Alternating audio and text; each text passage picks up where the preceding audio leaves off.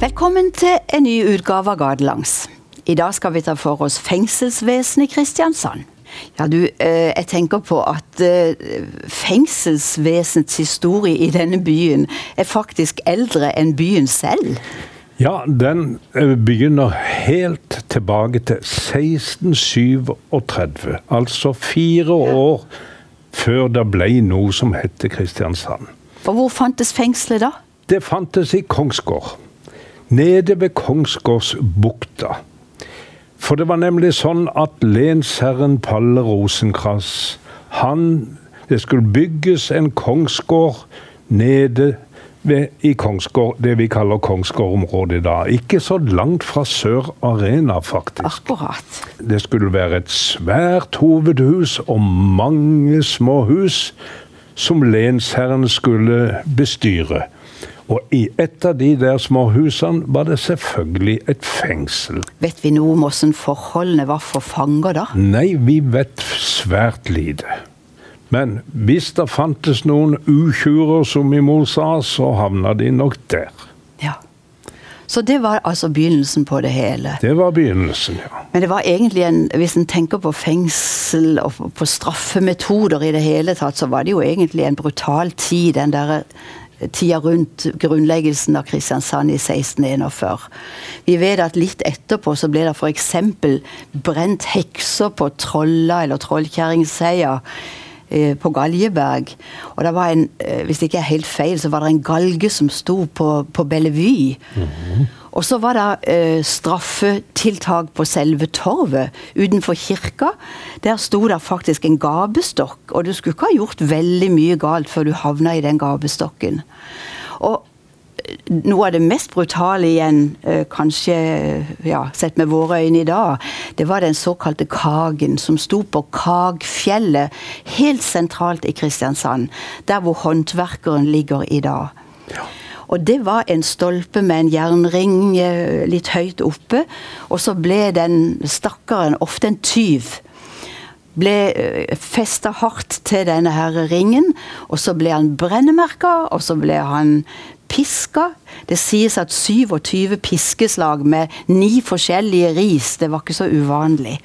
Og det var bøddelen eller skarpretteren som hadde jobb med å utføre dette her, og han tjente godt på det. Det fortelles at på slutten av 1600-tallet så hadde han seks skilling for hver eneste kagstryging og brennemerking som han foretok. Det var brutale straffemetoder si. i gamle dager. Men i 1690, da var tilsiget av mennesker til byen så stort at da måtte det settes, bygges et fengsel. Ja. Og det fengselet kom på Torvet. Ikke så langt fra Kagen, fra Kagfjellet. Ikke så langt fra. Kagen, men hvis vi eh, tenker oss der vi tidligere hadde brannstasjonen vår, og der vi har rådhuskvartalet i dag, så var det der. Ja. En liten trebygning på én etasje. Der eh, vaktmesteren eller fangevokteren bodde med sin familie. Og under jorda, der var fengselet. Det stedet ble kalt vaktstua. Og det var bokstavelig talt et hull. For der under jorda, uten lys i det hele tatt, der var det åtte celler. Og i syv av de var reservert for mordere, tjuver og annet som ble stappa inn der nede. De ble festa til veggen med lenker, og de hadde ei svær jernkule knytta til beina. Og det var soning på vann og brød. Var det bare voksne som havna der nede? Faktisk så var det i folketellinga 1801 var det til og med en ni år gammel gutt. I all verden. Så det var et forferdelig sted. Nå ble det mykt opp litt etter hvert, for der kom bl.a. en andre etasje på selve fengselsbygget over marken. Men, men, eh, og noe bedre soningsforhold var det, men det var, Det var så ille at folk oppe i Påsebyen, mødrene spesielt, de sa til ungene sine hvis ikke du er grei, så havner du nede i vaktstua. Jeg, jeg husker du en gang har fortalt også noe om gjeldsslaver. Ja. Hvis, hvis folk skyldte noe til andre og havna i vaktstua. Det var ei spesiell celle som var reservert for gjeldsslaver. Ja. For folk som ikke gjorde opp for seg. Ja. Og det var den verste cella det var. Fordi at staten, de serverte vann og brød. Det var jo ikke det store. Det var jo stort sett sild. Eh, til de som satt inne i de andre cellene. Men når det gjaldt den gjeldscella, Ja. da var det familien som måtte sørge for maten til den eh, uheldige som satt der. Og hvis ikke det var familie, ja vel, da var det den som var han var skyldig penger til. Ja. Og da kan du jo tenke deg å lide mat som kom ned i den der Han holdt så vidt liv i han som skyldte han penger, altså. Ja, det var bare så vidt. Ja. Så det var det verste stedet en kunne komme i. Eh, Det ble jo etter hvert eh, nye tanker om eh, fengselsvesenet. ja, litt mer humane, hva? Litt mer humane. Så, men vi må altså et godt stykke ut på 1800-tallet. Tidlig på 1800-tallet så kommer det først et nytt fengsel. Å? Nemlig Tukthuset. Ja. En fantastisk svær, flott treetasjes bygning som ble bygd, satt opp der Kvadraturen videregående skole er nå, i Tollbogata. Jeg husker jo det huset. Det var jo også der hvor både lærerskolen og en, en folkeskole holdt til. Vi kalte det jo for Simma. Ja, Og det var byens største trehus, kan jeg huske, i sin tid. Ja, og det var et landemerke, sånn at når folk kom seilende mot byen, så så de to ting. De så nemlig domkirkespiret, og så så de denne her flotte tukthusbygningen som det var. Men, men hvem var det som havna i tukthuset? Ja, det var jo litt av hvert, det også. Men det var, for det første var det mange kvinner. Ja? Eh, Det var jo en del å utsette på moralen på disse her. Særlig på kvinner, ja. Særlig på kvinner, ja, selvfølgelig. Men, men uh, uansett, det, det, ble, det var litt av hvert som var der. Men forskjellen på å sitte i vaktstua lenka til veggen, det var at her måtte de arbeide. Her ble Fikk de arbeid innenfor, Inn- innenfor inn- tukthuset? Innenfor tukthuset. Og en god del av mannfolkene de fikk arbeid å gjøre utenfor. Med voktere, selvfølgelig. Ja. Eh, Så det var det eh, til langt ut på 1800-tallet, før det ble lagt ned, og det ble lærerskole på stedet. ja. Men da må, vakthuset var altså avleggs, og det måtte bygges et nytt fengsel. Og det ble da satt ut anbud på å bygge en kombinert rådhus, politikammer, rettssaler og fengsel på baksida. Det ble eh, sendt ut, og det var en Oslo-arkitekt som fikk tilslaget på å bygge dette nye rådhuset med fengsel. Men, men før vi kommer så langt, så var det vel mange diskusjoner om hvor i verden skulle dette nye fengselet ligge henne? Ja, det er jo ikke noe nytt at diskusjonen går i byen, og henne skal det ligge. Nei. Og det var et hav av forslag. Eh, Det var mange som mente at det burde ligge nede i gravene. Ja, selvfølgelig. Fordi at trafikken til byen den gangen, det var jo med båt. Ja. Og derfor var det kunne, Postkontoret var jo også tenkt liggende i, i gravene. Det var til og med én bystyrerepresentant som mente at vi setter opp fengselet i Sten- og Heierdalspark.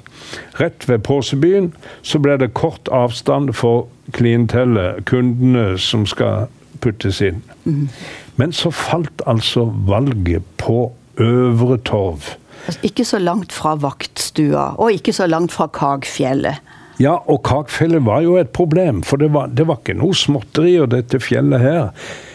Det strakte seg jo fra Luin, omtrent fra vindmølla, fra parken, og helt på, ned til eh, Tollbogata. Og det måtte sprenges vekk. Der er forresten en bitte liten rest av det fjellet på hjørnet av tinghuset. Festningsgata, Tollbogata. Ja. Og jeg tror faktisk det står et trafikkskilt som er Ja. bort ned i det. Og det er det liksom det synlige, den synlige resten av Kagfjellet som er i, Akkurat. er i byen. akkurat. Men i alle fall, Oslo-arkitekten fikk tilslaget, og så sendte de ned altså arbeidere, til og med murere, fra Tigerstaden ned her. Og bygde Riktignok ble det et nydelig rådhus, men folk i Kristiansand Og jeg husker det, jeg har lest det et eller annet sted, at de, var, de murra veldig for Særlig når arbeiderne ble henta. Det var én ting at arkitekt Kaurin Ja. satt i hovedstaden og tegnte, men at arbeiderne skulle hentes derfra, det syns de var grusomt. ja, for de følte jo de fikk jo ikke noe Ja, igjen nei, for hva får vi igjen for, for dette her? Noen stakkars hester og noen få arbeidere som drar på noen mursteiner og noe greier. Men, men når det hele sto ferdig, Ja. både rådhus og fengsel på baksida, da var jubelen stor. Ja, altså det var jo, ble jo et praktbygg. Men folk gikk i flere år etterpå og sa 'forbanka østlendinger'. Å ja, så du mener det er der Begrepet kommer, kommer nok ja. derfra, ja. Men så fikk vi altså et nytt fengsel på baksida her. Og det var også et, eh, et ganske stort murhus som lå utover mot festningsskader. Ja, det lå så langt ut, for festningsskader var så smal den gangen at det strakk seg helt ut til midt, midtrabatten Ja, rabatten der. Ja, og så lå det rett ved siden av byens restaurant, eh, nemlig Vindmølla. Men det var det jo ingen som visste på midten av 1800-tallet, da dette rådhuset og fengselet ble bygd, at det jo. skulle bli sånn. Nei, men det var Olsens skjenkestue på eh, der Vindmølla ligger nå. Men iallfall så ble dette her bygd opp. Og selve fengselet eh, besto av to firemannsceller, ei tomannscelle og 14 enkeltceller. Det var plass til 24 innsatte. Og det vi husker fra tida etter krigen, det er jo at mange, sørgelig mange av krigsseilere osv. gikk ut og inn i det fengselet der. Eh, det som jeg husker spesielt, det er jo at på 70-tallet så var det veldig mange unge biltyver som havna i det fengselet. Og dekte ikke til å legge skjul på at det var én ung gutt i byen som spesialiserte seg på å gjøre innbrudd i Opler. I Opler har alltid vært. Ja. Ja. Så hver gang det ble stjålet en Opel i byen, så sjekka bare politiet om eh, Opel, om han der uh, Ola, om han var inne i fengselet eller om han var ute. Og var han ute, så ble han bare henta inn. Og politiet hadde altså 100% oppklaring på Opel-tyverier. For han gjentok og gjentok, og inn havna han. Så hadde han så lite familie og kontakter at i mangel av noe bedre, så ringte han eh, opp læreren. Og så kom jeg opp på fengselet til han, og der satt han. Men å sitte i fengsel var jo fælt. Men når det først så galt var, så var det et et trivelig fengsel på Og mange måter. og det hang vel mye sammen med de fengselsvokterne som, som fantes der. Ja, i høyeste grad. For en av de som var fengselsvoktere, det var byens store danselærer. Ernst Larsen. Larsen. Ja visst. For halve byen etter krigen, dvs. Si de som fikk lov hjemme, de gikk hos danseparet Karin og Ernst Larsen, som lærte de ikke bare å danse, men å føre seg. Og Ernst Larsen var en utrolig flott kar. Men så hadde han altså ved siden av å være danselærer for byen, så hadde han fast jobb som fengselsvokter. Ja.